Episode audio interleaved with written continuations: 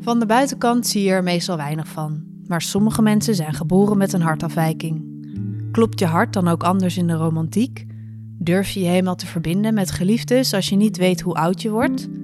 Vertel je een date over het litteken op je borst voordat je je shirt uittrekt? Wat doet het met je zelfbeeld als je vaak moe bent en niet meer uit kan met vrienden? Of te moe bent om te vrijen? Moet je eigenlijk bang zijn voor seks? En hoe voelt het als je door je hartafwijking je kinderwens moet laten varen?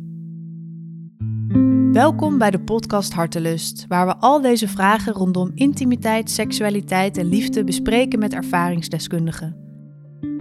In deze eerste aflevering over de vrouw hoor je drie verschillende verhalen van drie verschillende personen. Mijn naam is Daan Borrel en samen met Mina Etemat maakte ik deze podcast in opdracht van het Leids Universitair Medisch Centrum. Het project werd gefinancierd door Stichting Hartekind.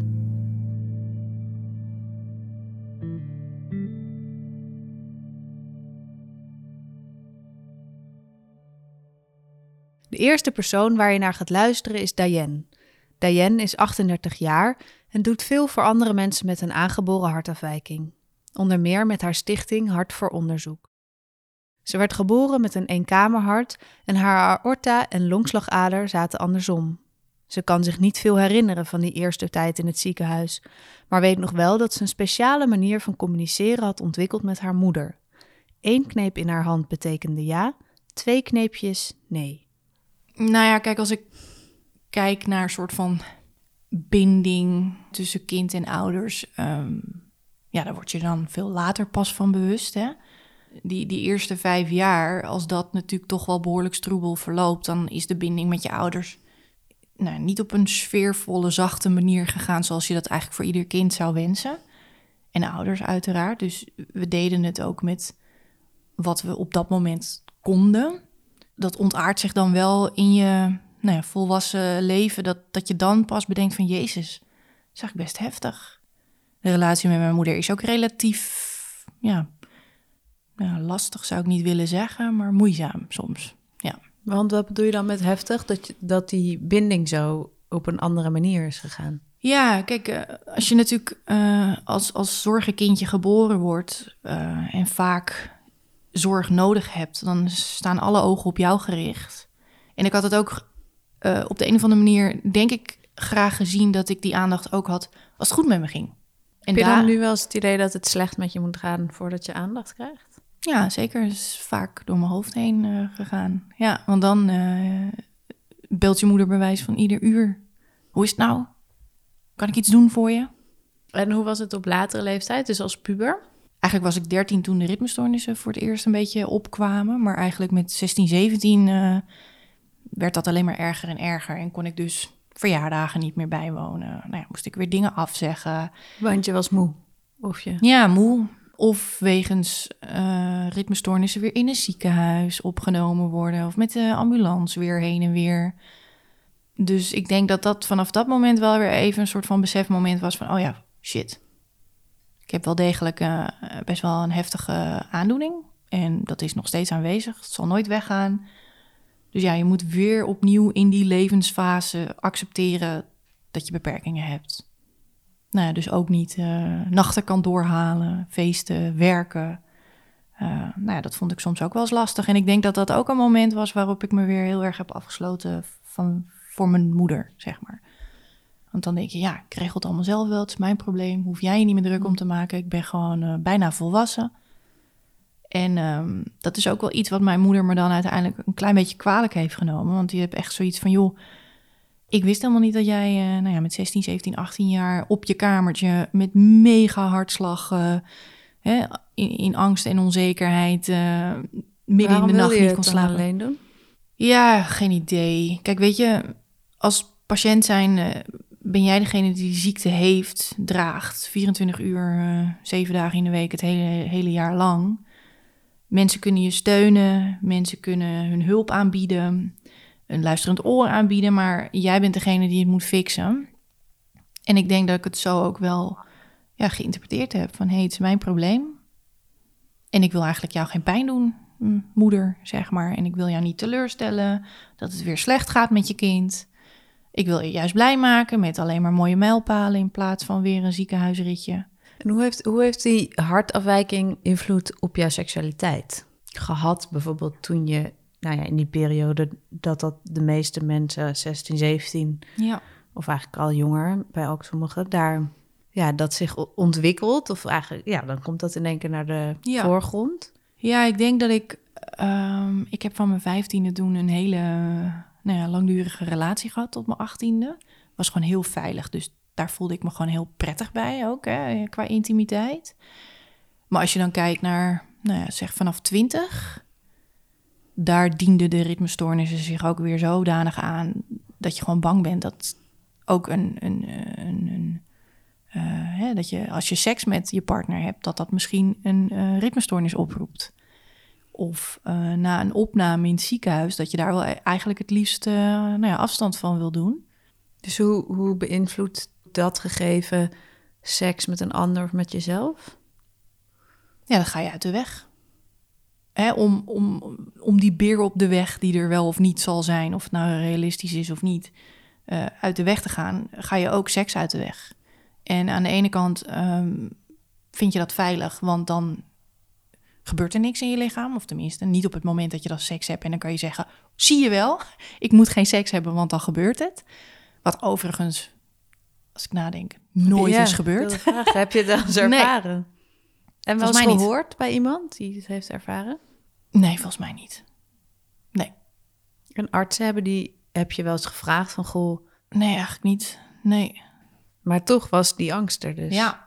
Ja, ja, weet je, en ik denk dat het ook komt omdat ehm, seks is natuurlijk een, een, een eh, hè, daarmee gaat je hartslag omhoog. Het is een activiteit eigenlijk. Dus dan kan je het misschien wel vergelijken met een sportactiviteit. En zeker ehm 40, 50 jaar geleden eh, werd natuurlijk de hartpatiënt gezegd van joh, doe maar kalm aan. Ga jij maar niet sporten. Dus eh, hè, nu blijkt Dus dan dat... maak je zelf die conclusie van, nou, Ja. dus dan dat ook niet. Die Ja. activiteit ook niet. Terwijl bewegen, en dat, dat, dat bewijst eh, zeker de laatste tijd bij iedereen wel, gezond of ongezond, of met een ziekte, dat bewegen supergoed is. Als je het dan toch deed, was je dan onder de seks heel, was je daar dan heel erg mee bezig? Ja, soms wel. Ja, zeker. eh, eh, ik ben zeven jaar geleden dan weer eh, ja, voor het laatst aan een open hartoperatie geopereerd. En ehm, drie, vier maanden na die ingreep was ik weer seksueel actief. En natuurlijk gaat er dan door je hoofd heen van, oh, kan dit wel? Hoe deed je dat dan? Bijvoorbeeld de eerste keer daarna? Kan je dat nog herinneren? Jeetje, ja. Ik denk dat ik ja, met die partner eh, wel open daarin ben geweest. Van joh, eh, ik vind het eigenlijk best wel een beetje eng. Want je had toen vaste relatie. Nee, nee, nee, dat was dus het suffe. Eh, mijn relatie ging ook drie maanden na die OK over van tien jaar. En eh, nou ja, dan spring je een beetje uit de band, zeg maar. Want ja, je hebt en een OK overleefd. En ik kreeg weer een heel nieuw leven nou ja, in Haarlem. Dus ik denk dat ik een beetje een, een, een zeg, hoe zeg je dat, laadbloeier ben op dat gebied. Dat ik wat meer gaan, ben gaan experimenteren, ja, ook op seksueel vlak, zeg maar. Komt dat denk je door de hartafwijking of is dat een... Nou, niet misschien de hartaandoening, maar wel het. eh, je hebt weer iets overleefd. Dus die piek, die adrenaline die je krijgt. Ik begon ook met hardlopen, waarvan we nooit hadden durven dromen. Hè, en we bedoel ik mezelf, mijn familie, maar ook de medici. Dat ik dat zou kunnen. Wielrennen. eh, nou ja, dan, dan kom je natuurlijk hè, ook. eh, nou ja, drank. Geen drugs, maar wel heel veel uitgaan. Eh, nou ja, Tinder had ik uiteraard geactiveerd. En daar had ik toen een nou ja, vaste partner mee. En met hem heb ik dan na die OK voor het eerst... ja, ben ik weer intiem geweest. En hij was ook heel voorzichtig met mij, wat ik heel fijn vond. En heel open heb ik volgens mij wel met hem gedeeld... van dat ik het toch wel een beetje spannend vind. Dus laten we het vooral voorzichtig doen... Maar op de een of andere manier, ja, het klinkt ook een beetje gek om te zeggen. Want aan de ene kant ben je ergens bang voor en wil je voorzichtig aandoen. Maar aan de andere kant was ik ook enorm aan het experimenteren met alcohol. En dan word je wat losser van. Dus dan wil je ook die regels wat, hè, wat milder aanpakken. Dus ik denk dat het eigenlijk ook een soort van, nou ja, misschien zelfs ook wel een vorm van verdoving was geweest. Van joh, uh, zet dat hoofd nou uit en kijk gewoon waar het, het je gaat brengen. En lukte dat? Nou, ik heb natuurlijk uh, zeker ook op dat gebied op seksueel vlak uh, ja, een heel leuke tijd gehad. Maar uiteindelijk ga je toepassen op meer dingen. En dat was natuurlijk niet zo'n best idee, want daarmee verdoof je uiteindelijk je hele, ja, je hoofd en je hart samen, zeg maar. Dus uh, Diana raakte een beetje verwijderd van wie ze was of wilde zijn. Terwijl ik dat nu ook wel weer een beetje begrijp, want je moet weer helemaal was eigenlijk... dat door alcohol dan? Zei je dat? Ja, zeker. Ja, ja tuurlijk. Ja. Maar had je dan op een gegeven moment ook echt alcohol nodig om bijvoorbeeld seks te hebben? Ja, soms wel. Ja. Ja. Ja. En ik hoor mezelf ja zeggen en dan denk ik, jezus, wat heftig eigenlijk. Hè, maar aan de andere kant wou ik dat net al zeggen, dat, dat ik het ook wel snap, dat Mhm. ik dat nodig had, zeg maar, om... Ja, je moet eerst echt goed doorhebben dat je dus kennelijk helemaal van jezelf verwijderd bent. En daarna je gedrag erop aanpassen voordat je dan uh, echt beseft van... hey shit, hey, ik, ik, ik heb echt... Uh, ik, heb, ik heb het nodig gehad, dus het is helemaal oké. Okay. Ik ben er helemaal oké okay mee. Maar of ik er trots op ben, weet ik niet. Maar ik heb wel een hele leuke tijd gehad, weet je. Dus dan... En vertelde die mensen... Want jij had Tinder, dus dan neem ik aan dat je wel eens afspraakjes dus had. Ja. Of mensen ontmoeten, misschien met uitgaan. Vertelde je dat dan nee. altijd? Nee, nee, tot op het moment dat je natuurlijk uh, ja, intiem met elkaar wordt. En uh, dan, ga je, dan ga je er ook een beetje mee experimenteren. Soms dan uh, zei ik niks en dan nou ja, kwam het gewoon aan bod als een shirt uitging. En ik ben er nooit uh, met een negatieve manier hè, op afgewezen of op aangesproken door, door, door de man, zeg maar. Maar ik ben op een gegeven moment ook wel een beetje gaan experimenteren, gaan vragen stellen. Van joh, überhaupt voordat er al een knoop los was van de blouse, zeg maar. Van joh, um, wat vind je eigenlijk van littekens? Nou ja, en dan uh, hoezo, weet je wel. En uh, heb je wel eens een vriendin gehad met littekens op het lijf? Of uh, joh, wat stel je toch rare vragen, weet je wel, krijg ik dan terug. En nou ja, uiteindelijk komt dan aan bod dat ik zelf de littekens draag. Nou, en eigenlijk het, ja, wat ik net al aangaf, het gros vindt het... Zo, was er één die, het echt, die er echt op kikte, zeg maar. ja, die er echt op kikte van... joh, ik vind het gewoon geweldig, een, een, een, een, een litteken... want dan ben je een soort van um, ja, warrior of zo. Maar de meeste mensen, ja, weet je... Die, die vonden dat gewoon eigenlijk helemaal geen probleem... en die zagen het helemaal niet. En ben ik degene eigenlijk geweest die dat alleen maar zag. Want heb je een groot litteken? Ja, ja eigenlijk gewoon de, de ritsluiting van uh, ja, het... Uh, borstbeen uh, tot aan ja, de hele ribbenkast, zeg maar. En dan het meest lelijke vind ik die um, gaten van de drains. Hm. En op mijn rug heb ik ook uh, ja, twee mooie vleugeltjes bij mijn schouderbladen. Kijk, en die zie ik zelf niet dagelijks in de spiegel. Dus ja, daar besteed ik ook niet zoveel aandacht aan. Maar ik weet wel dat ik ook bijvoorbeeld met uitgaan... ja, eigenlijk 9 van de 10 keer iets droeg... wat hoog, ja, hoog aangesloten oh, ja. was. Ja. Want ik had gewoon geen zin in een café van, joh, wat heb je daar? Ik heb Oh. daar, weet je. Maar ik heb ook wel eens avonden gehad dat ik dacht van, nou, scheid, laat maar, laat maar zien. En krijg je dan veel reacties? Ja, dan krijg je wel reacties, ja. Ben je ook wel eens vervelend benaderd op je litteken? Ja, ja. Ja, nou, ik denk dat ik een jaar of 15, 16, nee, denk, sorry, wat ouder. Ja, strand, op Kos, was met vriendinnen op vakantie, ik had muziek in mijn oren. En uh, een groepje jongens kwam op ons af. En eentje die, uh, ik lag op zo'n strandbedje. En eentje die ging gewoon werkelijk met zijn vingers aan mijn lichaam zitten. En betastte me echt op mijn, op mijn litteken. En uh, zei in het Engels, oh, what's that? It's dirty. En nou ja, ik had muziek in mijn oren, dus ik hoorde de helft niet. Maar mijn vriendinnen die, die riepen al, oh, fuck you. nou ja, dat was het dan. Want het is een fractie, fractie van, van een seconde dat dat Mm. plaatsvindt. Dus dan denk je echt, wat de fuck is hier nou gebeurd? Ik ben gewoon betast door iemand. Maar goed, ik heb daar gelukkig geen uh, letsel of schade aan overgehouden, mentaal. Want ja, maar goed, ik zeg het wel dat ik er geen letsel aan over heb gehouden. Maar zodra ik in bikini sta, dan heb ik wel vaak dat ik op mijn buik lig. Hm. Dus dan zie je het streepje op mijn borstkas niet. Eh, of ik loop met mijn handen, eh, zeg maar, gekruist voor eh, mijn lichaam, Hmm. zeg maar. En dan zie je het streepje wel, maar niet die drains. Dus je bent er toch mee bezig. Ja, tuurlijk. Ja. Ja. En ze zeggen wel eens dat mensen die ziek zijn geweest of ziek zijn, dat ze een gemedicaliseerd lichaam hebben. Dus dat het eigenlijk voelt alsof hun lichaam niet echt van hunzelf is. Heb jij dat wel eens ervaren? Nou ja, ik leef wel dankzij de gemedicaliseerde wereld. Ja. ik, ik denk wel dat ik in dat opzicht. Kijk, weet je, een open hartoperatie is ook een bepaalde ja, intimiteit. Die je ook bijvoorbeeld uh, hè, met de, de chirurg en dat team, zeg maar, hebt gedeeld. Terwijl jij oud was, heeft er gewoon een hand in jouw lichaam gezeten en aan jouw hart gezeten. En dat is een bepaalde intimiteit. Hè? Niet dat je daar gewoon bloot ligt onder die lakens. Maar ik denk gewoon, het is zoiets bijzonders. Iets, iets bijna spiritueels zou ik bijna willen zeggen. Terwijl het ook gewoon een handeling is, een medische handeling. Maar het zou best te maken kunnen hebben met hè, de fase van het gebruik van alcohol. En elke keer weer die grenzen opzoeken. Ook bijvoorbeeld met sport. Hm. Dat dat wel een soort van fase is geweest waarvan ik ja, dat gemedicaliseerde lichaam of hè, de, de, de maakbaarheid van nou ja, mijn lichaam in dit geval. Dat ik dat wilde laten samensmelten met mijn hoofd. Of nou ja, wie Diane dan nu is, zeg maar.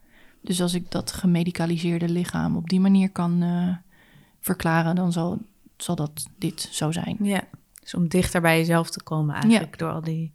Ja. Ja. Beïnvloedt het je nu nog met je seksualiteit? Heb je nu bijvoorbeeld een vaste relatie? Ja, ja ik heb nu uh, alweer ruim een jaar een relatie. En uh, hij wist ook dat ik eigenlijk een hartaandoening uh, heb vanaf de dag dat we elkaar ontmoeten. Um, dus dat ja, kan helpen.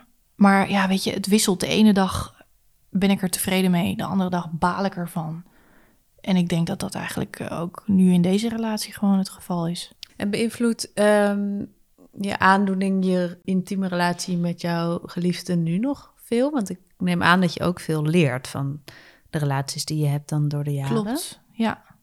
Ja, en ik denk als ik mijn huidige vriend zo begrijp... dat hij eigenlijk nog wil dat ik me veel meer open. Hmm. Ja, ik ben nog veel te veel... Um, het is mijn aandoening, het is mijn beperking. Uh, ik wil jou daar niet mee lastigvallen. En überhaupt, waarom, denk ik wel eens, hè? Waarom ben jij bij mij? Het is zo'n uh, sportieve, actieve kerel... Uh, nou ja, behoorlijke workaholic ook, weet je. En dat, dat siert hem echt. Ik, ik hou van zijn spirit. Maar ik kan dat conditioneel niet bijbenen. Maar misschien is het wel heel fijn voor hem om met iemand te zijn die niet ook zo ja, hard. Nou ja, ja. Hij heeft dat niet in deze woorden gezegd, maar hij vindt mijn tempo gewoon een prima tempo. Hij heeft daar echt geen moeite mee. Dus dat zit echt gewoon in mijn eigen hoofd. Ik moet dus echt gewoon leren van joh, als iemand voor mij kiest, dan kiest hij ook voor de ziekte en ook voor uh, ja, wat, dat, wat daarmee gepaard gaat. Dus als ik me daarin niet openstel, hè, qua hoofd, qua angsten, qua gevoelens, ja, dan gaat hij daar in ieder geval uh, niks mee kunnen doen, waarop ik eigenlijk iedere keer zelf teleurgesteld raak. Wat niet fair is tegenover hem. En niet tegenover jezelf.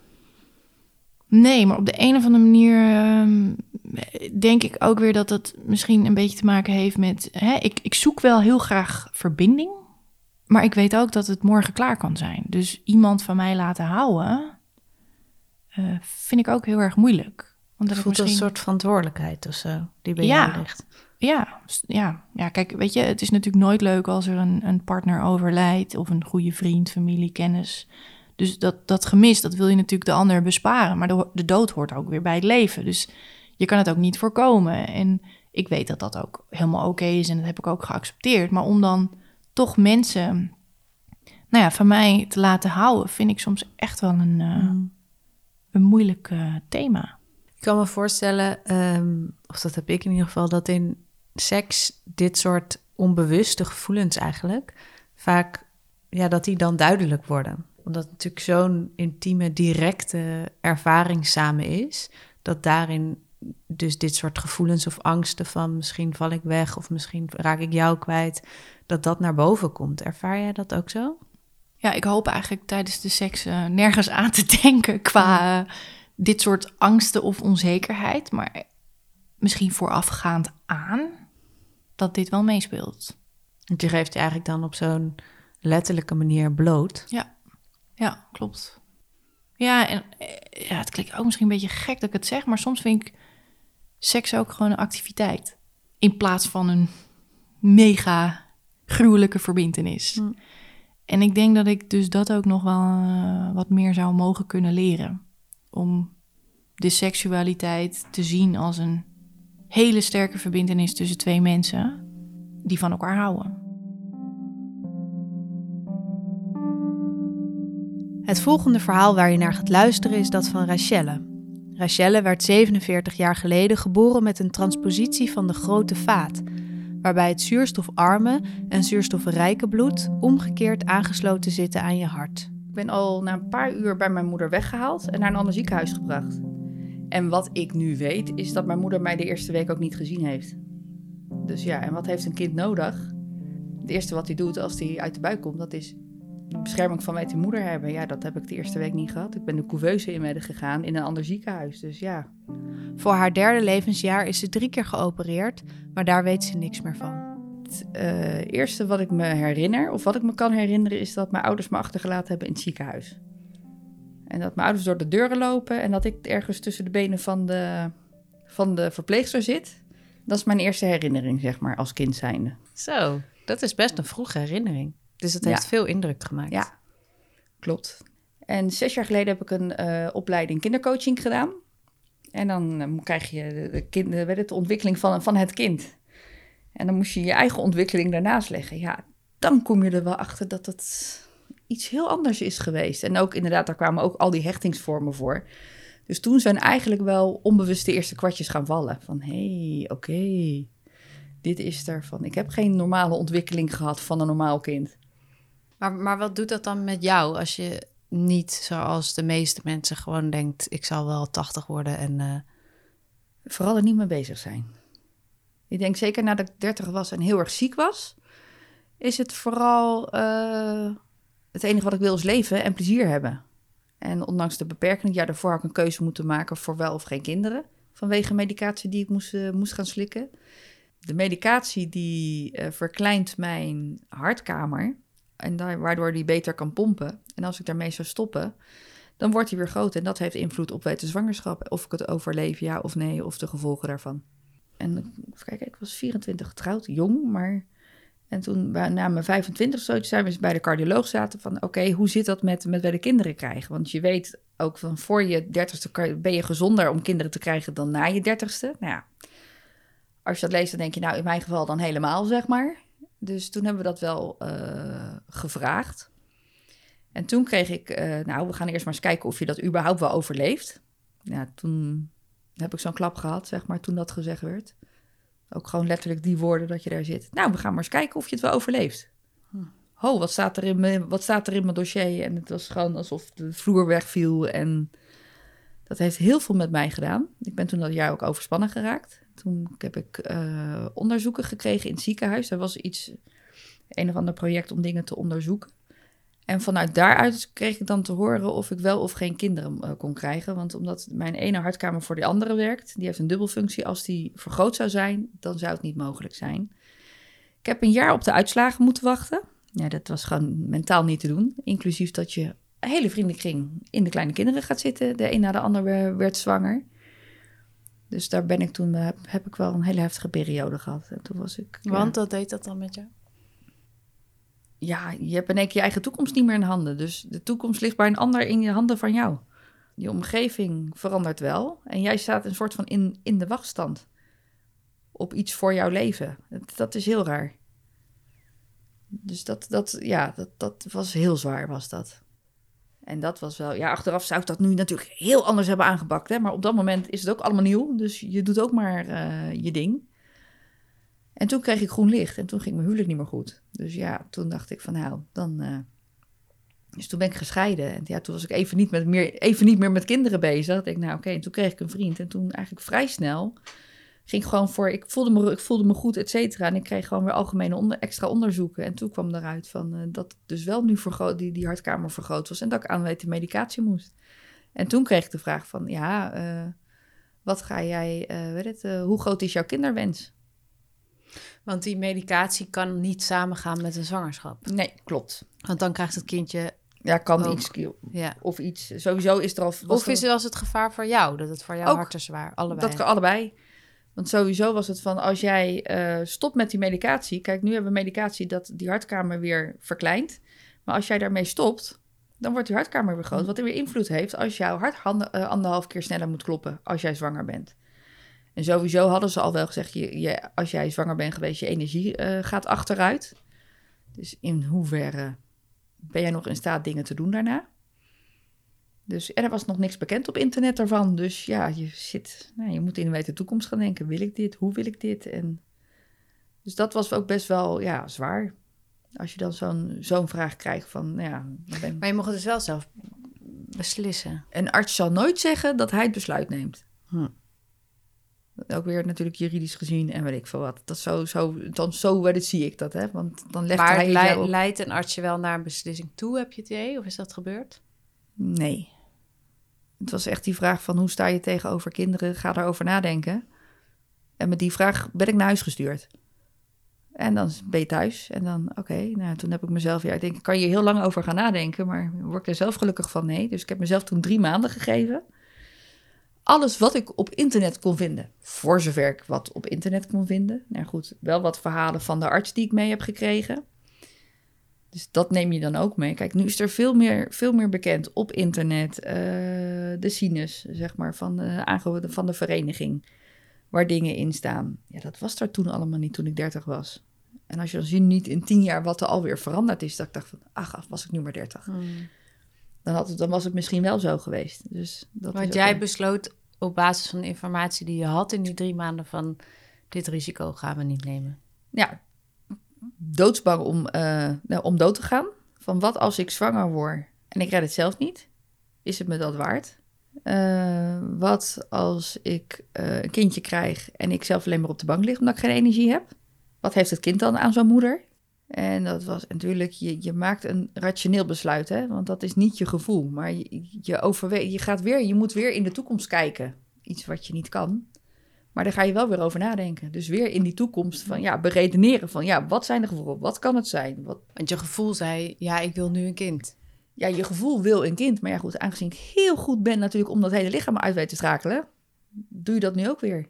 Maar het is gewoon, uh, heel veel verdriet komt er ook bij. Ik bedoel, je kan je ouders geen opa en oma laten, maar, weet je, laten, laten worden. Dus als je je ouders dan in één keer met kleine kinderen ziet van mensen die je kent, dan denk je, ja, nee, dat gebeurt ook niet. Maar voel je dat dan als een persoonlijk falen of zo? Ja, toch wel, ja. En hoe is die hechting nu met je ouders? Ik heb, wij zijn met z'n drieën. Uh, voor mij is een, is een doodgeboren kindje ge, geboren. Daarna ben ik geboren, ook weer gelijk weggegaan. Dus mijn moeder lag eh, voor de tweede keer zonder kind uh, na een bevalling in het ziekenhuis. Wij zijn heel hecht, maar ik heb ook een moeder die volledig als een soort tijgerin over mij waakt. Die bang is mij kwijt te raken. En dat is om los te komen als kind, is dat gewoon heel lastig.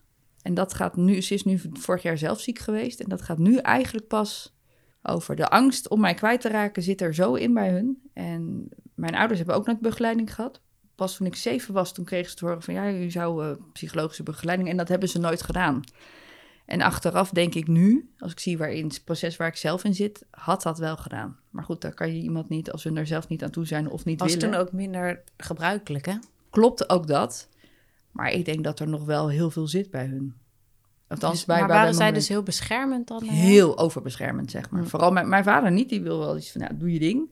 Ja, voorheen had je dat vroeger niet zo door, maar na de hand, nu kan ik er wel op terugkijken. Ja, ze zijn zo beschermend geweest. En dat ik dacht, ja, ik dacht ook voorheen dat hoorde. En ik zie ook dat ik daar zelf een onderdeel ben van ben geweest. Van, joh, ik ben er nooit tegen gegaan. Ik heb nooit gepubert. Precies, dus wat was jouw reactie? Was braaf. Het brave meisje, zeg maar. Want ja, ze, hadden al zoveel uh, verdriet gehad. Ja, dat zijn ook weer overlevingsmechanismen, zeg maar. Om dan uh, als kind uh, voel je dat, dat je ouders verdriet hebben. Dus ja, de een kan rebels worden en, dan, en ik ben een braaf meisje geworden daarin. Van nee, weet je, want ze hebben al verdriet, dus als het laat ik nou maar gewoon meewerken, dan Zo. Dan komt het wel goed. Dus ja. En, en hoe heeft dat, eh, heeft dat eh, invloed gehad dan op je relatie, op je liefdesrelaties? Eh, wat ik nu weet, dat is gewoon die hechting die er, die er dus zit, zeg maar. Dat ik zo, als mensen te dichtbij komen, dan weet ik daar niet mee om te gaan. Omdat je dus als baby eigenlijk zoveel alleen, ja, alleen bent ben geweest. En dat, daar, dan, dat ben ik me nu, denk ik, sinds, sinds anderhalf jaar ben ik daar pas achter. Ik denk, wat gebeurt er? Als ik gewoon vrienden heb, ben ik, nee, het gaat allemaal goed. Totdat iemand een stap dichterbij komt. En dan raak ik een soort van in paniek en ben ik heel erg onzeker. En ga ik pleasen en noem maar op. Ja, en dat betekent dat er kindtrauma zit, et cetera. Dat deed je dus al op je vijftiende. Ja, ja, als ik het nu zie, toen had ik heel erg juist verlatingsangst. Dus als het bang dat er iemand wegging. En dat is na de hand, na bepaalde relaties, is dat overgegaan in bindingsangst. Ik denk, nou weet je, zolang ik alleen ben, is het prima. Dan red ik me wel. Dan red ik me wel. Dan is alles veilig. En had je het hier open met, met eh, eh, geliefdes over? Dus, dus die verlatingsangst of die bindingsangst die je voelde? ik denk, na mijn dertigste wel. Inderdaad. Maar goed, ik heb op een gegeven moment ook niet meer heel, heel veel relaties ben ik aangegaan. Ik had zoiets van, ik, ik had altijd vriendjes. Ik denk ook een soort bescherming of zo. eh, dat ben ik niet alleen of, of whatever. En toen mijn laatste, op mijn 35e, toen ging mijn eh, relatie uit na zes jaar. En toen had ik zoiets van, ik ga nu eerst op mezelf zijn, mezelf ontdekken. Wie ben ik, et cetera. Maar ik heb best wel in mijn relaties te vaak te horen gekregen van... Het is best wel zwaar wat jij hebt. En dat neem ik nu wel steeds mee, zeg maar. En wat, bedoel je, wat bedoelden ze daar dan mee? Nou ja, goed, na mijn dertigste, kijk, als ik heel veel doe, dan moet ik 's middags slapen. Of eh, ik heb dagen dat ik 's ochtends op sta, denk ik, nou, hoe wordt deze dag? Nou, dat wordt van de bank naar, naar bij de bed en ik lig plat. En ik ben alleen. En als je, weet je, de meeste mensen, als je gewoon een dagje weggaat met vrienden, die zien gewoon de vrolijke Rachelle. En aan mijn buitenkantje zie je ook helemaal niks. En dat is denk ik de grootste handicap die er is. Want als je in een liefdesrelatie zit, dan ziet iemand het wel. Ja, natuurlijk. dan zie je wanneer iemand moe wordt. Dan, als Ja. hij een beetje goed kent, dan ziet iemand wanneer je in één keer eh, aftakelt, zeg maar. Of niet, of dat je moe wordt. Hoe was dat dan met, met vrijen, met, met seks, met, met die vriendjes? Wanneer begon dat, denk je, bij jou? Dat je nieuwsgierigheid naar en die seksuele gevoelens, opwinding, dat je wil Dat, zoenen dat had ik wel vrij jong al. Dat ik dat wel interessant begon te vinden, zeg maar. Ik weet nog wat ik elf jaar was en dat ik verliefd was op een jongen die vijf jaar ouder was. Of weet ik veel wat. Dus daar was ik al wel vrij, vrij, vrij vroeg mee, zeg maar. Eh, Of jongen van school of weet ik veel wat. Is het, denk je, anders om te vrijen met een aangeboren hartafwijking? Ik denk het niet. Als kind zijnde of als, als puber, twintiger, ben ik daar nooit anders mee omgegaan. Het is denk ik anders geworden nadat ik ziek ben geweest. Hmm. Gewoon heel slecht ben geweest. Dus daarvoor was het allemaal normaal. En vanaf mijn dertigste is dat juist anders. Want ik heb medicatie waardoor mijn lichaam anders reageert. Eh, ben ik heel erg moe, ja, dan geeft mijn lichaam sowieso geen wedde, eh, geen wedde orgasme, om het maar zo te zeggen. Weet, ik kan dat lichaam niet aan. Dus Want dat is ook wel weer de niet natuur. Genoeg, niet genoeg energie eigenlijk om, voor die opwinding. Dat denk ik. Ik denk dat, dat je lichaam. eh, ik denk dat ik geleerd heb toen in het ziekenhuis, toen ik daar lag. Dus toen eerst lag ik zeg maar 2,5 week heel slecht in het ene ziekenhuis. Zes weken later lag ik weer met vocht achter mijn longen. Toen lag ik hier gezellig aan de overkant. Hmm. En toen vond ik ook raar dat mijn eh, eh, menstruatie uitbleef, terwijl ik het moest worden. Dus daar ben ik uiteindelijk wel toen mee naar de, naar, naar de dokter gegaan. Ik zeg, joh, wat is dat voor iets? Ik zeg, eh, en die heeft mij toen uitgelegd van, joh, je lichaam is in gevaar. En de natuur is dan zo geregeld dat hij jouw menstruatie gewoon niet doet, want dat is dan te zwaar. De minst belangrijke dingen worden. Ja. en dat vond ik eigenlijk best wel heel mooi. Ook weer een bewustwording van hoe een lichaam in elkaar zit. Want dat krijg je allemaal niet mee in, in, in met al die jaren. Oké, en toen ik op een gegeven moment, nou, even kijken, heel veel medicatie ging slikken. Beta, be- beta-blokkers hebben sowieso heel veel invloed, eh, zowel bij mannen als vrouwen, op jouw, eh, hoe zeg je dat? Eh, op je- Libido? Zin? ja, libido en et cetera. Want wat dat wordt dan minder. Het kan minder worden, maar goed, als je wat gehad hebt, is het ook weer veel enger. Want hoe reageert mijn hart? Kan mijn hart dat aan? Noem maar op. En toen heb ik ook wel eens gevraagd bij een arts van, ja, hoe zit dat met seks? Nou ja, als jij twee trappen op kan lopen en niet helemaal buiten adem bent, dan kan jij seks hebben. Dus hey, lang leven de trappen, maar... eh, dus daar hou ik me maar aan. Maar dat bedoel ik, dat lijkt me best wel dus een, eh, wat een iemand zonder hartafwijking niet heeft. Die denkt Nee. niet na van, goh, eh, misschien stopt mijn hart er wel mee als ik ga Nee, nou ja, nee, ja, dat is... Ik denk in het moment zelf ben je er veel minder mee bezig. Is denk ik meer, de, meer de, de weg daar naartoe. Als jij net weer iets gehad hebt, dan moet je weer vertrouwen sowieso als jij weer wat gehad hebt met je lijf. Maakt niet uit of jij kanker hebt, eh, geopereerd bent of wat dan ook. je vertrouwt je lichaam niet meer. En ik heb nu al zo vaak dingen gehad. Dus elke keer weer mijn lichaam opnieuw uitvinden. Hoe, uit, hoe uitzicht dat, zeg maar, dat niet vertrouwen naar je lichaam dan? Onzeker zijn over je lichaam. Van hoe reageert mijn lichaam in bij bepaalde situaties. Maar ook bang voor bij de dood. Althans, dat heb ik ook altijd wel van... Oh, oké, als ik het maar overleef of als ik het maar doe. Een ander stappen, die stapt een achtbaan in. Maar het is ook weer, ook weer... En ook leren vertrouwen. Vooral als je net iets gehad hebt of zo. Of een infarct of je bent geopereerd. En dan je eerste orgasme. Dat je denkt, oké, hoe ben ik hierna? Want, eh, vertel dan eens, wat is dat Nou ja, dat je het ook eng vindt. Van uh, hoe reageert mijn hartje erop? Van weet je, er is wel aan je hart. En als dat stopt, ja, dan stopt alles. Dat is wel wat, je, wat altijd in je hoofd zit. Het is natuurlijk het, het orgaan van als het stopt, dan stopt alles. En dan is het klaar. Maar kan je dan wel fijn klaarkomen? Want als je zo Ja, in je, je dat- hoofd blijft zitten... Eh, ja, maar goed, de eerste keer is gewoon heel erg spannend. En dan, ja, dat doe je of met kleine stapjes, et cetera. En als je weet, als je dat één of twee keer weer gedaan hebt, ja, dan, dan ga je minder denken. Ik vind het ook wel iets heel bijzonders dat je eigenlijk leert te vrijen en je lichaam te voelen op zo'n ehm, bewuste manier. Ja, het, het, geeft je ook weer wat, weet je. Het is niet alleen van, het, het ontneemt je wat, maar uite- uiteindelijk geeft het je ook weer andere inzichten of zo. Van, oh ja, het kan ook, op- het kan ook op andere manieren. We kunnen het ook op andere manieren fijn hebben dan alleen maar gebaseerd op till the end, zeg maar. Dus dat, het, het geeft, ja, volgens mij heeft het heel veel gebracht eigenlijk. Meer voldoening of meer diepte of weet ik veel wat daarin. Maar het is gewoon Maar heel... het zou fijn zijn als je daarover leert te praten, natuurlijk. Ja, ook dat. En inderdaad ook eh, dat je ook als je medicatie krijgt, dat je daar ook al, al begeleiding in krijgt. Van hé, hey, het kan zijn, het hoeft niet. Maar het kan zijn en als er wat is, dan kan je hier of hier terecht. Ja, dat, dat ja, nou goed, je ondervindt het. Zeg een maar. arts, is een arts ooit begonnen over een orgasme? Nee, nooit. Nou, eigenlijk heel raar, want het is zo menselijk. Het hoort bij het voortplanten zeg Ja. maar, van, van de mens. En ook plezier. plezier, eh, ja, genieten, et cetera. En, en zeker ook vooral als je jong bent, de nieuwsgierigheid. Kijk, kijk maar naar alle videoclips. Waar is dat tegenwoordig op gebaseerd? Seks. Seks. ja, nee, maar het, het is Of net tenminste, nou ja, een soort, goed, afge- een soort van afgeleide daarvan. Ja. Maar het, het wordt zo beladen ook tegenwoordig gemaakt. En als jij al wat hebt, maakt niet uit wat voor ziekte. Ja, dat kan ook zeker voor de jeugd van nu vrij veel invloed hebben, zeg maar. Het wordt zo beladen van seks is alles, maar er zijn ook nog zoveel meer dingen dan dat. En tuurlijk is het super fijn en, en, en weet ik veel wat. Maar als jij wat hebt, dan denk je, ja, hartstikke leuk dat. Maar, eh, en ik dan? Wat had je jezelf, als je nu terugkijkt tot nu toe, wat had je de jonge Rachelle gegund op het gebied van intimiteit en seksualiteit?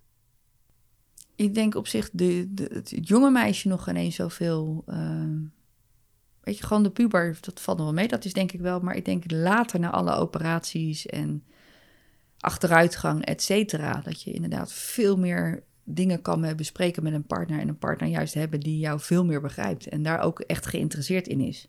En Wat heb is, je je ooit echt geborgen kunnen voelen bij een liefdesrelatie? Ik denk het wel in het begin. Totdat de relaties fout gaan, zeg maar, dan wordt dat minder. Maar ik weet nu dat ik de veiligheid eerst in bij mezelf moet leren zoeken. En dat heb ik nooit gedaan. Dat heb ik van buitenaf gedaan. Van mij, oh weet je, de mensen vinden me aardig. Door codependent gedrag en please gedrag. Van oké, weet je, net zoals bij mijn ouders. Van oh ja, die hebben al zoveel verdriet. Dus als ik maar braaf ben. En dat heb ik gewoon doorgezet in mijn liefdesrelaties. In plaats van grenzen aangeven, et cetera. Brave Rachelle. De brave Rachelle. nou, de brave Rachelle gaat nu langzaam minder braaf worden, maar door, door de hele zoektocht en, en, eh, en therapie. Maar goed, het is ook heel heftig om het, om het aan te gaan.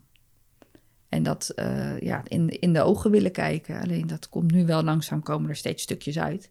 Ik heb in geen jaren zoveel gehuild als de afgelopen anderhalf jaar, zeg maar. Maar ik denk dat dat is, dat, dat is er nooit uitgekomen in mijn hele leven. Ik heb het altijd maar genomen van, oh ja, dit is mijn leven. Of gebagitaliseerd, weet je. Ah, het valt wel mee. Totdat ik ooit eens, dat was twee jaar geleden of zo, drie jaar geleden, toen zat ik bij mijn arts, gewoon voor controle. En die had een co eh co-assistent of een co-arts.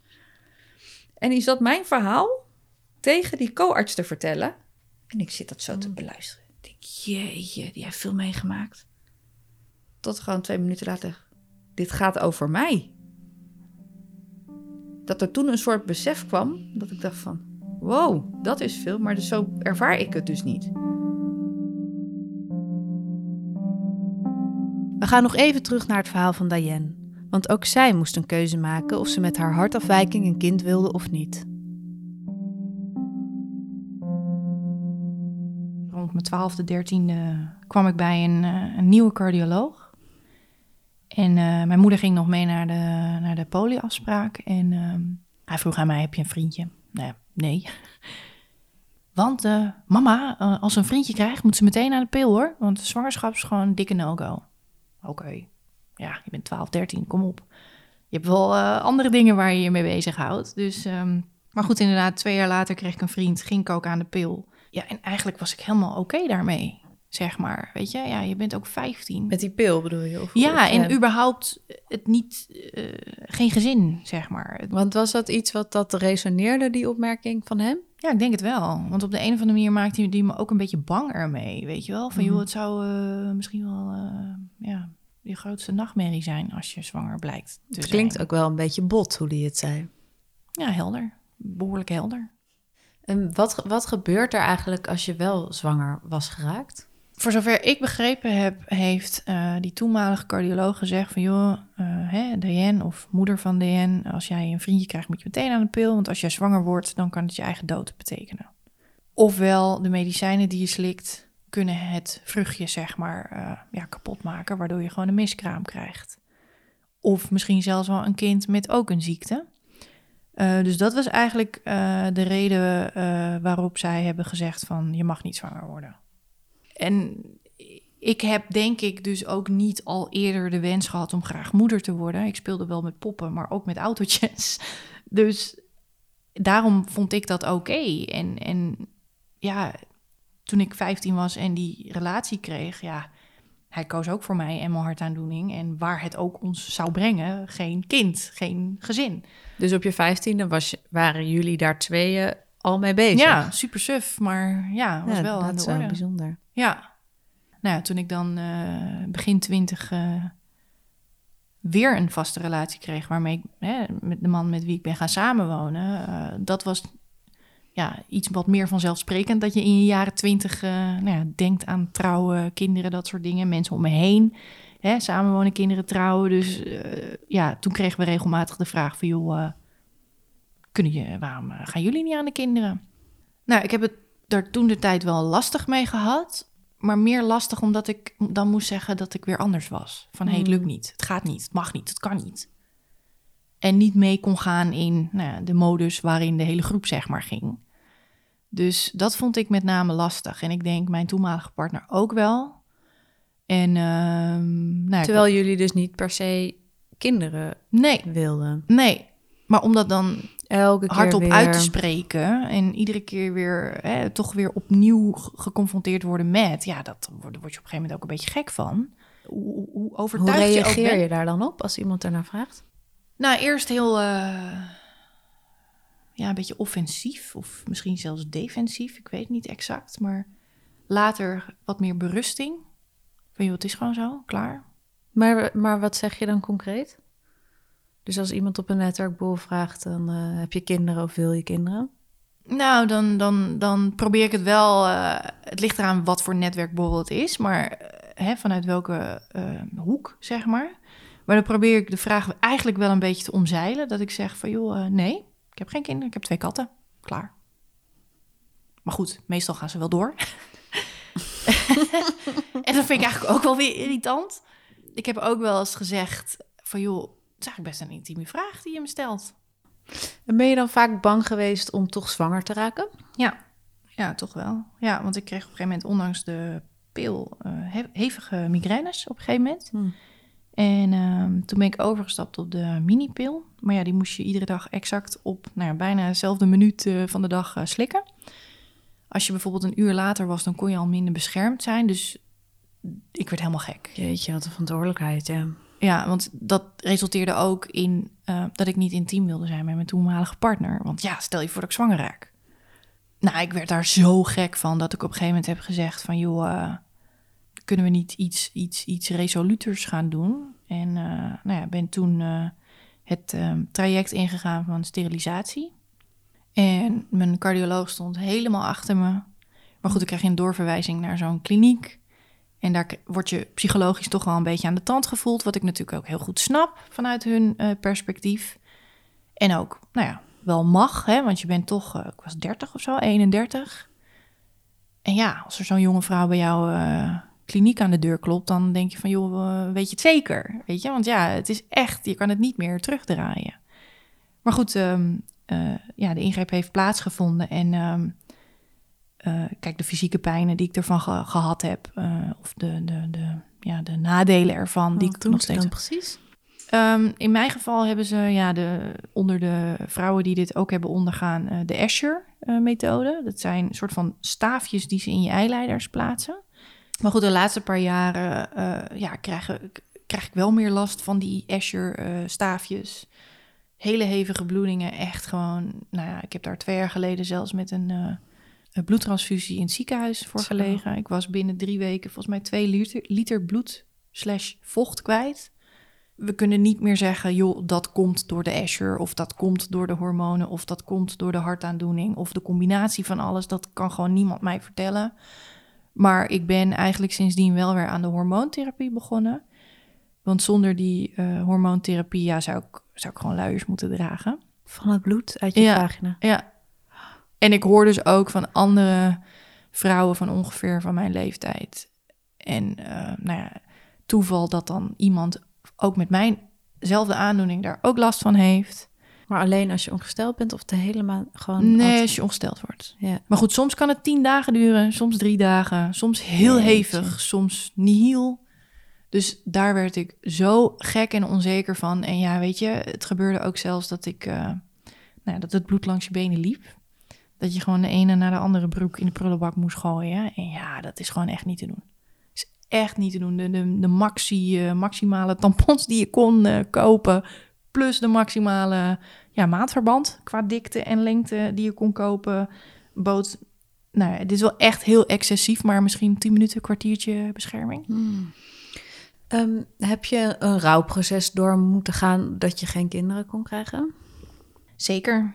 Ja, en ik denk dat het rouwproces niet alleen om kinderen of het niet kunnen krijgen van kinderen gaat, maar gewoon uh, functieverlies, uh, baanverlies, vriendenverlies. Um, je verliest soms ook jezelf. Dus um, ja, ik denk zeker dat in het leven van mensen met een aangeboren hartaandoening of überhaupt een ziekte, dat er zeker te maken is van rouwverwerking. Uh, en dan niet alleen voor het gezin wat, je niet, uh, wat er niet gaat komen. Het laatste gesprek waar jullie naar gaan luisteren is die met de 29-jarige Marieke. Door Marieke vroegen we ons af waarom we de podcast eigenlijk opdeelden in een vrouwen- en mannenaflevering. Want wat onderscheidt hun verhalen nou werkelijk? Deze podcast gaat toch over het hart, niet over het geslacht? Heel eerlijk gezegd, er zijn wel wat onderwerpen waar alleen mannen of alleen vrouwen tegenaan lopen, maar op veel punten verschilt er weinig. Luister dus vooral ook naar de andere twee afleveringen.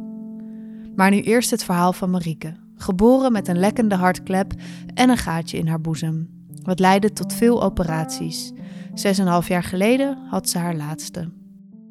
Kun je iets vertellen wat het met je zelfbeeld doet als je een hartafwijking hebt? Heeft het je, zeg maar, heeft het je beperkingen gegeven in je leven? Waardoor je anders naar jezelf keek? Ja, op zich, ja, wel een beetje af en toe. Um, als kind had ik er eigenlijk nooit heel erg veel last van. Toen ja, was het gewoon een gegeven zo van, oké, okay, ik heb iets met mijn hart. Ik kan niet heel hard rennen, maar dat is niet per se erg. Maar dat kwam eigenlijk pas later. Um, op de middelbare school was het vooral onbegrip van docenten. Hm. Dus bijvoorbeeld um, onvoldoende voor gym, omdat ik niet die stomme piepjestesten goed kon volhouden, weet je wel. Of um, ook wel eens dat ik in het ziekenhuis, naar het ziekenhuis moest, waardoor ik niet kon leren voor een proefwerk. En dat de docent ook zoiets van, oh ja, jammer. En dat ik daardoor onvoldoende uh, heb gehaald. Dus daar heb ik wel heel veel ja, onbegrip eigenlijk ervaren natuurlijk ook wel docenten die het wel goed oppakten. Maar ja, die negatieve associaties die zijn wel heel erg blijven hangen. En legde je dat dan, snapte je dat dan dat het gek was van die leraren? Of legde je dat dan bij jezelf toch neer? Um, misschien wel ook wel een beetje allebei. In de zin dat, je dan, dat ik heel snel had van, oh, dat, dan ben ik dus niet goed genoeg of niet. Ik kan niet goed meekomen of, nou ja. En dat, dat ik kan niet goed meekomen, dat heeft wel... Ik merk dat volgens mij dat wel het grootste ding, zeg maar, wat, wat, ik, eh, wat ik ervaar van het gevoel van niet mee kunnen komen. Ook bijvoorbeeld op de Unie. ehm, als iedereen dan ging feesten, dan kon ik of ik kon niet mee, of ik kon heel even mee. Als ik dan een keertje wel mee was, dan moest ik ook weer als eerste naar huis. Want dan was je te moe. Ja, en dan moest ik gewoon altijd heel lang bijkomen en eh, zo van goed plannen van wanneer ga ik een keertje mee feesten. Eh, tot half twee, zeg maar. En dan eh, was het ook gewoon klaar. Maar dan had ik een hele leuke avond, daar niet van. Ja, wat gaf je dat voor gevoel? Ja, ik weet niet, als wel een soort van...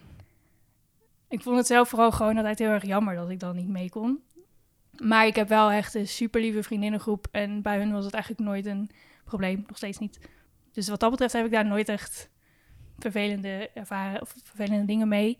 eh, binnen de groep. Jij krijgt wel eens van, oh ga je nou al weg? Nou, nou, blubber. Hmm. Maar gewoon binnen zeg maar, mijn hechte groep heb ik daar nooit eh, problemen mee ervaren. Dus dat is echt, ja, shout-out voor alle, alle vriendinnen. zeg maar. het is echt, het zijn de beste vriendinnen ever.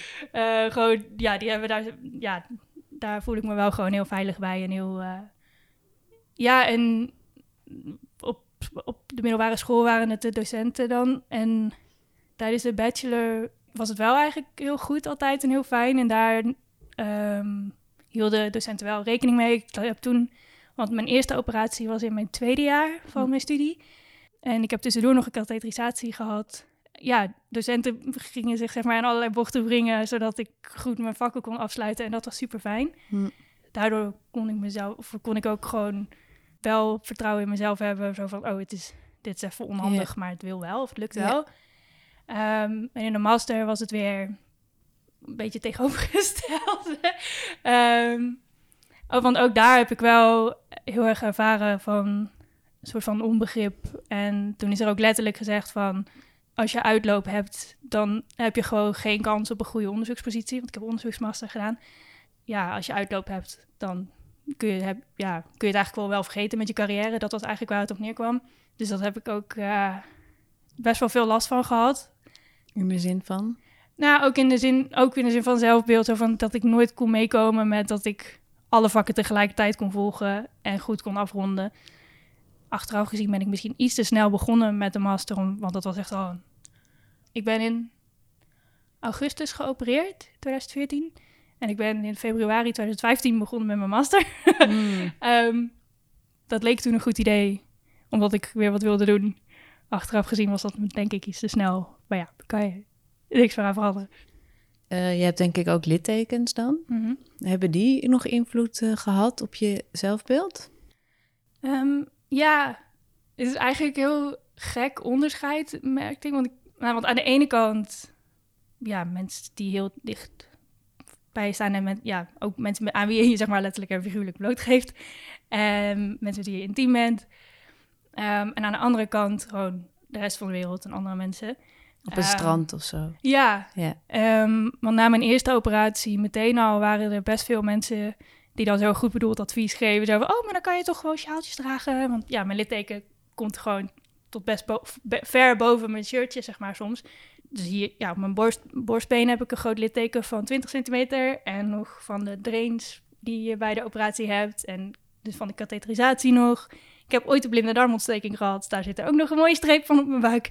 Ehm, dus ja, de- meteen al waren er dan mensen die daar dan inderdaad heel, zo heel erg de houding hadden van... ja, dat, dat kun je wel verbergen. Er zijn wel, kun je wel je kleding op aanpassen. Daar kun je wel foundation voor gebruiken. Of er zijn wel crèmes voor. Dat ik daar meteen eigenlijk gewoon...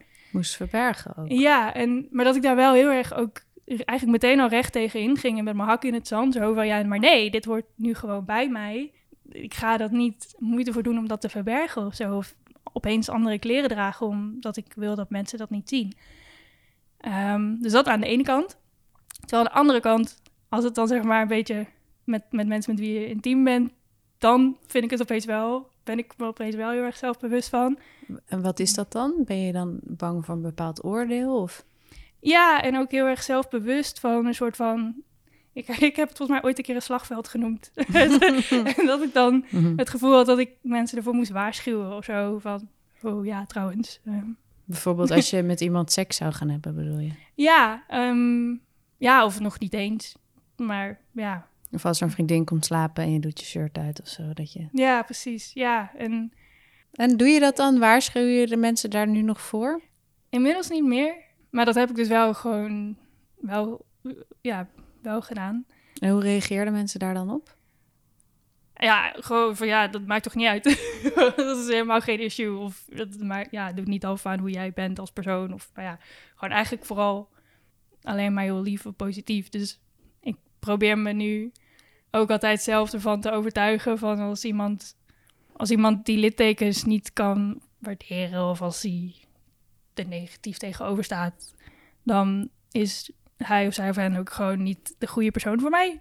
Ehm, en ik denk ook dat het een kwestie is van vertrouwen. Dat je vertrouwen hebt in, ja, in, het, in het beeld dat je van jezelf hebt, maar ook in, in het beeld dat de ander van je heeft.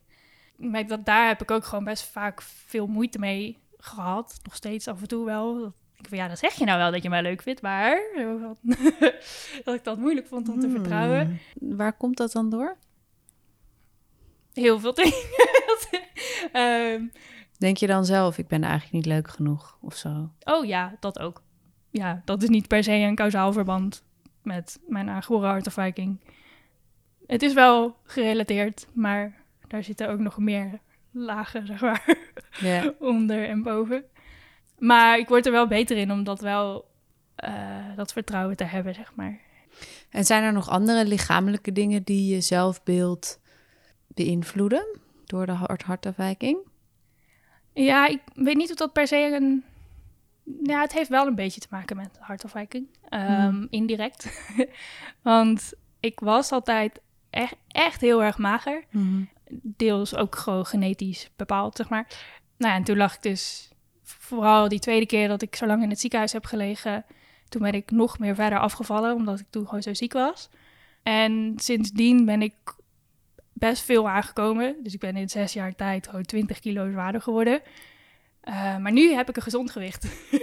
dus eigenlijk, als je zou denken van jeetje, 20 kilo. Maar ja, dat is nu dat is eigenlijk gewoon goed. En nu ben, ik gezond. en, Ja. en, maar vooral in het begin, ja, toen ging het ook best wel snel. En toen waren er ook best veel mensen die dan zo daar dan goed bedoelde grapjes over maakten.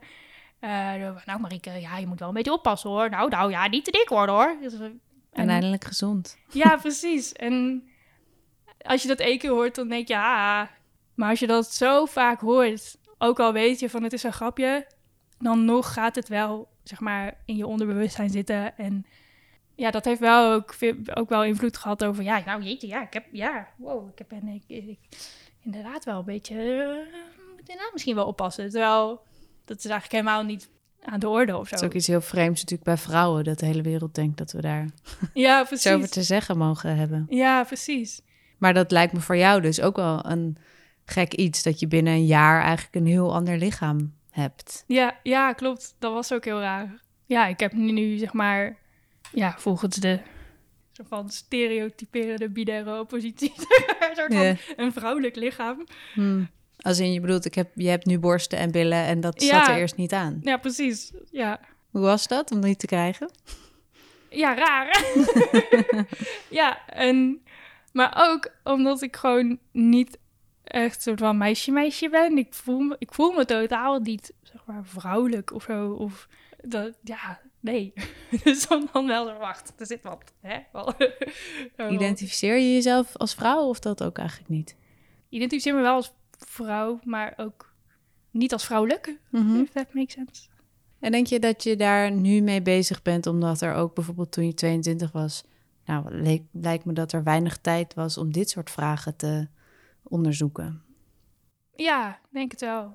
Ja, er is nu wel meer ruimte ook of zo, om daar wat meer bij stil te staan. En ik zit nu ook gewoon in wat andere, kringen. Hmm. Want op school, op de middelbare school was het ook gewoon, Ja, stond er alleen mannen en vrouwen. ja, man en vrouw. En of, of je bent hetero of je bent homo. Ja, Mhm. ik ben niet lesbisch, dus ik zal wel hetero zijn. Maar dat is ook niet het geval. dus dan zo van, ik kwam er eigenlijk pas later achter van, oh, je kan ook gewoon bi zijn. En je hoeft niet binair, zeg maar, het een of het ander te zijn. Maar Hoe was dat om dat te ontdekken? Ja, wel goed ook. En dat heeft wel ook een soort van... Ja, ja opluchting is een te stom woord. Maar een soort van... Een beetje het idee van... Oh, maar dat verklaart een, hele, een heleboel. zeg maar. Ehm, ja. Wat ik wel eens heb ervaren door de dingen dat je denkt... oh, ik ben ook normaal. Ja, ja, precies. Ja. Ja. Ik mag er ook zijn. ja, precies. Ja. Ze zeggen ook wel eens dat eh, mensen die vaak zijn geopereerd, ehm, dat ze, of lang in, lange tijd in het ziekenhuis zijn geweest, dat het voelt alsof ze een gemedicaliseerd lichaam hebben. Dus dat betekent dan dat je eigenlijk het gevoel hebt dat je lijf niet eens van jou is, omdat er ook zoveel mensen natuurlijk aan hebben gezeten. Ehm, heb je dat wel eens gevoeld? Ja, wat voor mij heel raar was en ook best een moeilijk proces was om zelf, ja, dat klinkt misschien heel stom, maar om zelf beslissingen te maken wat goed voor mij is. Hm.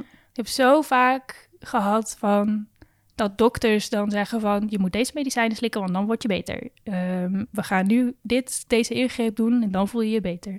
Je hebt nu deze behandeling, dan voel je je beter. We gaan nu dit revalidatietraject doen en dan zul je je beter voelen. En toen dat eenmaal achter de rug was, toen kwam eigenlijk een soort van tweede klap van... Wat, wat, wat moet ik nou doen? Help. waarom zegt niemand wat ik moet doen? en waarom voel ik me nou niet goed? Of zo van, oké, ik voel me niet goed. Nou wat? En dat ik daar ook zelf over mocht beslissen en kon beslissen. En zelf kon bepalen wat goed voor mij is. Misschien wel alsof je opnieuw moet leren lopen of zo. Ja, nou, dat, dat moest ook. Oh, dat ik, moest moest- ook. ik had twee maanden met de infuusstok Ja. gelopen. Dus toen ik de infuusstok kwijt was, toen was het echt, wow, wat is evenwicht. Ehm dat, merk dat dat wel, eh, ja, nog steeds af en toe wel lastig is. Dat er in de medische wereld is er, of als je fysiek iets hebt, dan is er vaak een redelijk, li- het is een redelijk lineair zo van, dit gaan we doen. En op deze manier, als dat niet werkt, dan kunnen we nog wat anders proberen. Maar ja, mentaal is het natuurlijk veel meer een, niet lineair. Ehm, en waar ik ook eh, heel erg aan moest wennen, was aan het idee dat gezond zijn staat niet gelijk aan ja, gelu- gelukkig zijn. Maar, maar, eh, of ook, en, en het gezond zijn is ook geen constante. En als je een gezond lijf hebt, betekent niet dat je het leven dan allemaal zomaar over rozen gaat. Het was vooral na de eerste operatie bijna een soort van anticlimax op een gegeven moment. Zo van, hè, nou ben ik zeg maar geholpen aan mijn hart, maar hè, ik kan nog steeds niet alles. Je was natuurlijk vier jaar heel erg moe dus geweest. Ja, en toen dacht je, nu wordt, eh, kom ik in de hemel terecht. ja, precies. En dat was ook wel een beetje zo, want ik kon wel meer. Maar ja, nog steeds heb je dan natuurlijk limieten. en dat is heel logisch. Maar om ook dan te ontdekken waar die limieten zitten, die lagen opeens heel ergens anders. En na de tweede operatie zijn die eerst een heel eind naar achter geschoven en daarna een heel eind naar voren. Dus dat was ook weer een soort van, wat kan ik eigenlijk allemaal en op welke manier en wat is dan wel, ja, wat werkt en wat werkt niet. En Dus het grootste deel van jouw jong volwassen leven bestond eigenlijk aan het onderzoeken van, van deze vragen. Ja, best wel. En ook soms dat je inderdaad heel erg geleefd wordt eh, in het ziekenhuis en in het hele medische, medische proces eigenlijk. Mensen zeiden ook wel eens van, goh, ja, ik vind het zo sterk van je, zo, zo dat je zo doorgaat. Ja, moet wel. Je kan niet zeggen, ik hou er mee op, want je moet, ja, je, je bestaat gewoon. Dus je moet door, zeg maar. En En zou je bijvoorbeeld, ik, ik heb ook nu best wel wat mensen gehoord die zeggen van, ik vind het wel spannend om seks te hebben, want ik weet niet of mijn ha- hart dat aan kan. Zou je dat bijvoorbeeld ooit durven vragen aan iemand, aan een arts? Ja, ik denk het wel. Maar dat is nog niet echt aan de orde geweest. Hm. Wat, elke keer als ik op, voor controle ben bij mijn arts, dan zegt hij... Als je zwanger wilt worden, dan moet je eh, even aan de bel trekken. Want dan moeten we even kijken of dat, hoe dat allemaal gaat. En dat is zeg maar hoe ver het gaat. en maar dat is meer een soort van waarschuwing. In plaats van dat het een inhoudelijk En wat doet dat is. met jou? Ja. Ja, ik, weet, ik heb er nooit echt bewust. Ik weet ook niet of de, ar- of de arts, zeg maar, de goede persoon is om het daarover mee over te hebben. Maar dat is niet in mijn persoonlijke. Niet omdat ik, ik bedoel, ik heb een hele prima, goede eh, arts daar niet van. Nee, Meer. Het zou fijn zijn om iemand daarnaast te hebben misschien. Ja, omdat het meer. ehm, Het gaat over een soort psychische levenskeuzes eigenlijk. ja, ja. Of wat intiemer of zo. mhm. Ja, ik heb het niet per se gemist, of ik mis het niet per se bij mijn arts, maar misschien eerder bij revalidatie. Omdat dat ook het punt is dat je hele lijf zo op zijn kop staat eigenlijk. En dat je dan wel met, ik, ik had op dat moment geen relatie, dus dat was niet aan de orde. Maar ik kan me wel voorstellen, als dat wel zo is, dat je juist als je uit een operatie komt of uit het ziekenhuis naar zo'n ingreep, een ingrijpende gebeurtenis, dat je dan met dat soort vragen zit. En dat daar in revalidatie, in een revalidatietraject wel ehm, meer aandacht aan, aan gegeven kan worden. En je vertelde al van ik heb de fijnste vriendinnen van, uh, van de wereld. Het is een beetje een gekke vraag, maar zou het kunnen dat dan, nou, door je hartafwijking, dat die relaties met je vriendinnen heel diep zijn ook? Ja, ja. Want ik lag in Groningen in het ziekenhuis. Ehm, maar ja, ik heb dus in Nijmegen gestudeerd. En daar dus ook gewoon een vriendinnengroep. Maar er kwam gewoon elke week een delegatie uit Nijmegen. Uh, dat was zeg maar een plan en een schema en wie wanneer welk boek meeneemt. En uh, oh, wow. elkaar met eten en dvd's en boeken en filmen. Nou ja, van alles. En dat, dat heeft gewoon zo... Dat vond ik gewoon zo lief. En ja, ik kan er dus steeds gewoon om janken, maar ja, dat, uh, ja, dat heeft me gewoon echt zo er doorheen geholpen. Um, ja. Dus eigenlijk de realiteit is dat mensen je heel erg goed genoeg vinden. Want ze reizen zelfs allemaal ja. naar Groningen af. Ja, precies.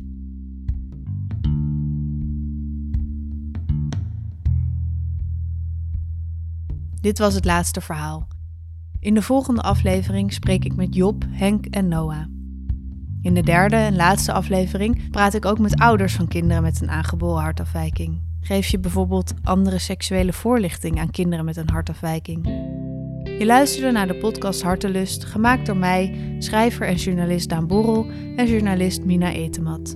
Dit project is geïnitieerd door het Leids Universitair Medisch Centrum en gefinancierd door Stichting Hartekind.